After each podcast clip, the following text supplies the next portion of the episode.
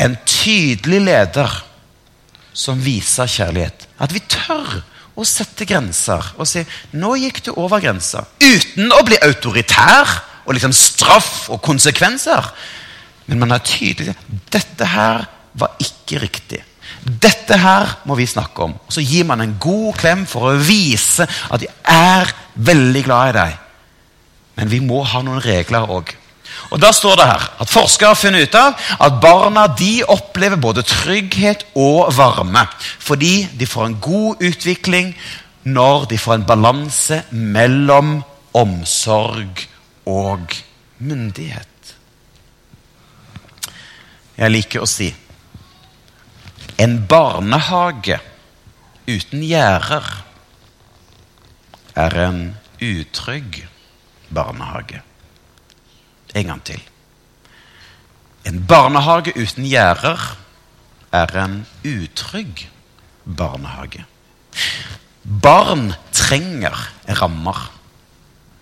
Du trenger rammer. Men så er det òg slik at når barna blir eldre, så flyttes grensene lenger ut, og de blir lavere. Slik at våre tre barn Nå har vi barn på 17, 15 og 11. For Rebekka, som nå er 17 år, så er grensene satt litt lenger ut og litt lavere enn for Andreas på 11. Det betyr at det er lettere for min Rebekka å hoppe over gjerdet enn det er for Andreas på 11. Så vi må ha litt tydelige, litt strammere grenser for Andreas enn for 17-årige Rebekka. Men vi, jeg tror at vi må sette grenser. Vi må En liten parentes til kirka. Jeg tenker at det er viktig å forkynne synd for synden gjør at nåden blir større. Hvis vi kutter ut og snakker om synd, og alt er bare nåde, alt er bare nåde, alt er bare nåde Ja, men nåden er jo så rik fordi at synden var der først. Så ja, Bibelen snakker om synd. Bibelen snakker om at det fins regler etter Guds hjerte som vi bryter. Og det kalles synd. Men det fins heldigvis nåde som gjør at vi blir løftet opp fra synden.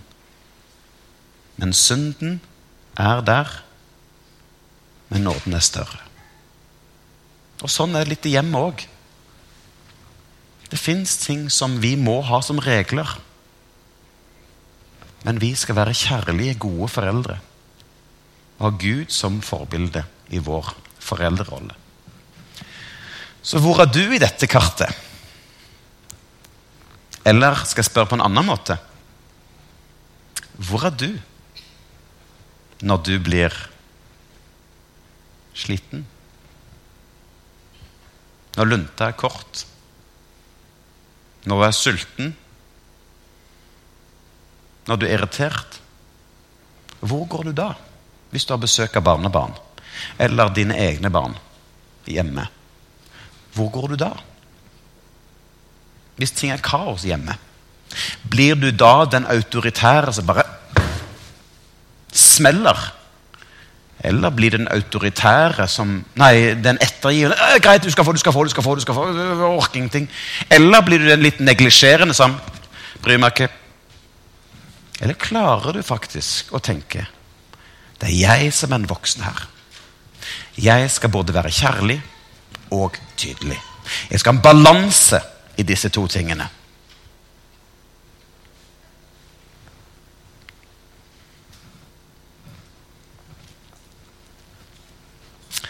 Så tre tips her òg. Punkt én vis. Ikke bare tenk at du er glad i barnet ditt. Vis at du er glad i barnet ditt. Og eh, da har jeg her en liten skala. Noen ting er lett å gi. Et smil, eh, litt vennlighet og godhet. Men noen ting tar litt mer tid.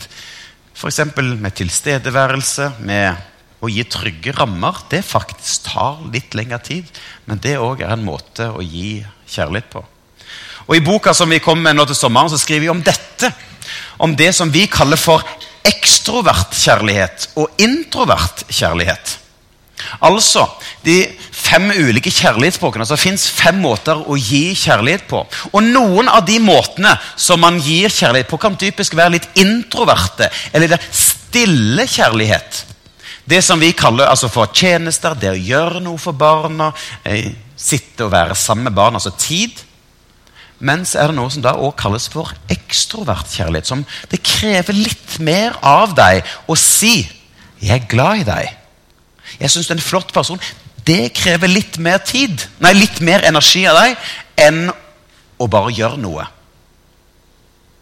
Så det å være litt bevisst på at jeg tror faktisk at noen trenger å få mer anerkjennende ord. Ja, det er lett å vise godhet med å gi en klem, men det koster kanskje litt mer med å si det med ord. Men barna trenger å høre at du er glad i det. Punkt nummer to vær til stede. Og nå snakker jeg til besteforeldre og foreldre. Altså har du besøk av dine barnebarn, vær opptatt av barna når de er der. Ikke vær opptatt av alle mulige andre ting. Eller som meg som forelder, så er det veldig lett å være opptatt av den. Når barna kommer hjem fra skolen, så kan jeg sitte her på Facebook eller på VG eller på mail eller kalender og ikke ense at barna kommer hjem. Blir man sliten, og så, ah, setter man ned, og så sitter man og glor inn i denne. Men vær til stede. Legg vekk telefonen. Legg bort avisa. Legg bort nyhetene. Ta det når barna har lagt seg. Da kan du gjøre det. Eller når barna går og leker. Men ha som regel at når barna er i samme rom, så vær til stede.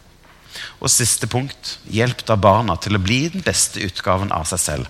Du har en viktig rolle som foreldre og besteforeldre til å få barnet til å blomstre, til å bli den beste utgaven av seg selv.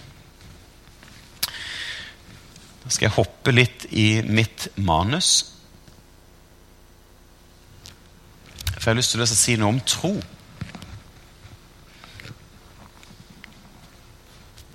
Jeg tror det er viktig tre punkter her òg om dette med tro i familier.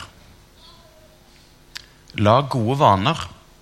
Jeg synes det var koselig å høre. Jeg sto der ute og holdt på å selge bøker. Så kom en, en dame bort til meg og sa altså, eh, Når barna, barnebarna kommer på besøk, så, eh, så ber vi alltid. Jeg tenker, åh, Så herlig å høre. Altså, det er en vane. Altså hver gang når. Hvilke vaner har du lyst til at dine barnebarn skal ha når de kommer på besøk til deg? Eller dine egne barn?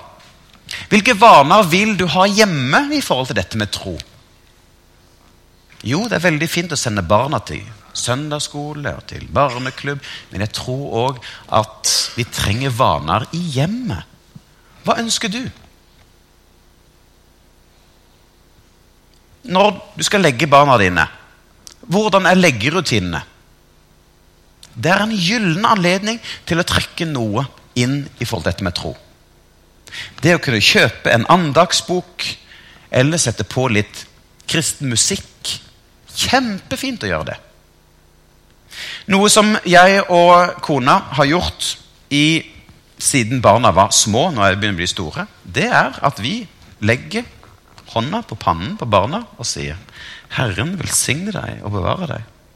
Herren lar sitt ansikt lyse over deg og være nådig. Herren løfter sitt åsyn på deg og gir deg fred.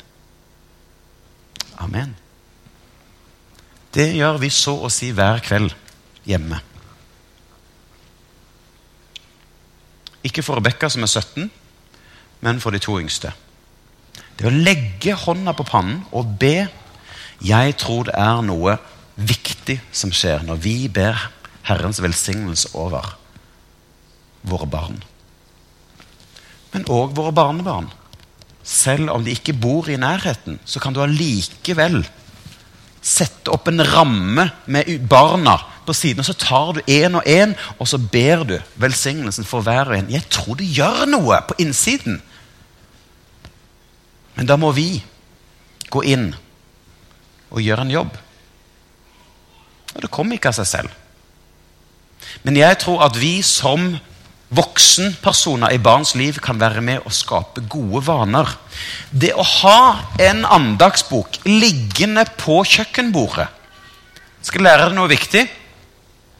Bibel eller andagsbok på bord er ikke rot.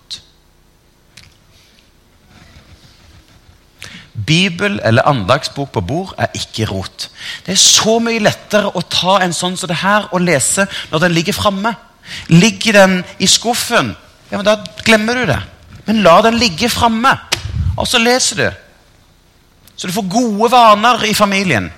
At dere kan be en bønn ved måltid. Ikke bare synge eller ikke bare starte rett og spise. Det vi gjør som et tips, det er at vi har en sånn bok liggende på kjøkkenbordet. Og når vi spiser middag, så leser vi ofte ifra en sånn bok. Men da leser vi etter noen minutter, slik at barnet har fått i den vers, fått dempa den verste sulten. Ja, for barna er jo sultne. Og da tenker de på mat, mat, mat. mat, mat. Og hvis jeg begynner å lese eh, andakt mens de er sultne, sultne, sultne, så hører de ikke etter. Men hvis de får i seg litt mat, så ok, nå venter vi, nå tar vi og leser litt fin måte. Punkt to, det er eh, ja, her. Lær barna å be. Hjelp barna å be. Vi har fem minutter igjen. Eh, og da vil jeg kort si at det å lære barna å be tror jeg er viktig. At bønn blir naturlig. Så her er det noen eh, måter å be på. Forbønn betyr 'jeg ber for barnet'. Så har vi òg hermebønn. Da er det at jeg ber først en liten setning, og så ber barnet etter. Altså jeg kan be 'Takk, Gud', takk Gud, for at du fins, for at du fins, og at du alltid passer på meg. og at du alltid passer på meg. Hermebønn. Men så går det an å bruke sjokoladebønn. Og sjokoladebønn, det har jeg skapt selv, og det handler litt om mitt forhold til sjokolade. Når du er på besøk hos noen, så er det slik at du tør ta i starten er det høflig, sant? Du tar én sjokoladebit. Og Så går kvelden, og neste gang tar du to sjokoladebiter. For da blir det litt, litt, mer koselig. Og da senker skuldrene. Så kan du ta tre neste gang. Ikke sant? Og Sånn er det litt òg med denne sjokoladebønnmetoden. Det handler om at hvis jeg og Andreas skal ha sjokoladebønn Jeg ber én setning. Så ber han én setning. Så ber jeg to setninger, eller for to ting. Og da kan jo han si da han, ja, jeg ber for mamma og pappa. Ja, men ok, Da er det min tur. Da er det tre ting. Jeg takker Jesus for at vi kan få lov til å bo i Oslo. og Takk for at vi kan få lov til å ha gode naboer. Og takk for at vi kan få lov til å fortelle andre om Jesus. Ja, men da vil jeg be for Og så har han tre. Og så har jeg fire. Han fire. Fem. Fem. Ferdig. Det er sjokoladebønn. Eller legobønn, som har kanskje vært den som har mest suksess hos oss. Det handler om Lego er å bygge. Det betyr at Andreas skal bygge på min bønn. Det betyr at han skal bruke ett ord som jeg har brukt. Så hvis jeg ber 'Takk Gud for at vi bor i Oslo', så sier Andreas da vil jeg bruke Oslo. Eh, vi takker deg for at vi kan få lov til å gå i kirka i Oslo. Ja, men Da bruker jeg kirke, sier jeg. Eh, takk for at kirken kan få lov til å vise mennesker vei til deg. Ja, men da bruker jeg deg, osv. Det er legobønn. Og det kan du bruke fra barna er 4 til 15. Og så har Popkornbønn handler om at man sitter rundt middagsbordet, og så kan hvem som helst bare poppe opp en liten setning når de har lyst. Og familiebønn handler om at jeg ber for den som sitter der. Og når jeg er ferdig, så ber den for neste, og så ber den for neste, og så tar vi runden rundt. Så det var noen enkle måter å kunne få noen gode vaner på. Så tenker jeg også at vi skal være forbilde. Vis at kirke er viktig. Vis at din tro på Jesus gjennomsyrer livet ditt. Vis at du spiller kristen musikk. Vis at du leser Bibelen. Vis at du leser en andagsbok. Altså, gjør kristenlivet ditt synlig. Jo, jeg vet av noe som heter lønnkammer. Og det er et godt prinsipp, men av og til må vi komme ut av skapet. Skjønn meg riktig. Jeg tror at barna trenger å se at bestemor ber. Jeg tror at barna trenger å se at pappa leser i Bibelen. Og det handler om å investere. Send barna på leir. Send barna til søndagsskole. Invester i at barna får gode bøker eller gode materieller som de kan få Jesus synlig i hjemmet. Slik at troen blir en naturlig del av livet. Så det var mine tanker jeg hadde lyst til å dele med dere her i dag. Jeg vet at noe av det jeg har sagt, ikke når inn hos enkelte. Og så vet jeg at noe av det jeg har sagt, har utfordra noen. Og så vet jeg òg at noe av det jeg har sagt, vil havne i god jord. Men det viktigste er det jeg starta med, at hos Gud er det alltid nye begynnelser. At det som ligger, foran, nei, det som ligger bak, kan du ikke gjøre noe med. Men nå kan du faktisk velge. Hvordan skal resten av livet ditt være? fram til din gravstein der foran.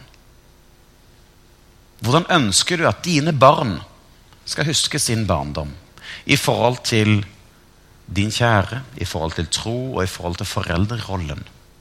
Du som besteforelder her, hvordan vil du at barnebarna dine, dine oldebarn, skal huske deg? Sannheten handler om at det du velger i dag, vil være med å påvirke det foran.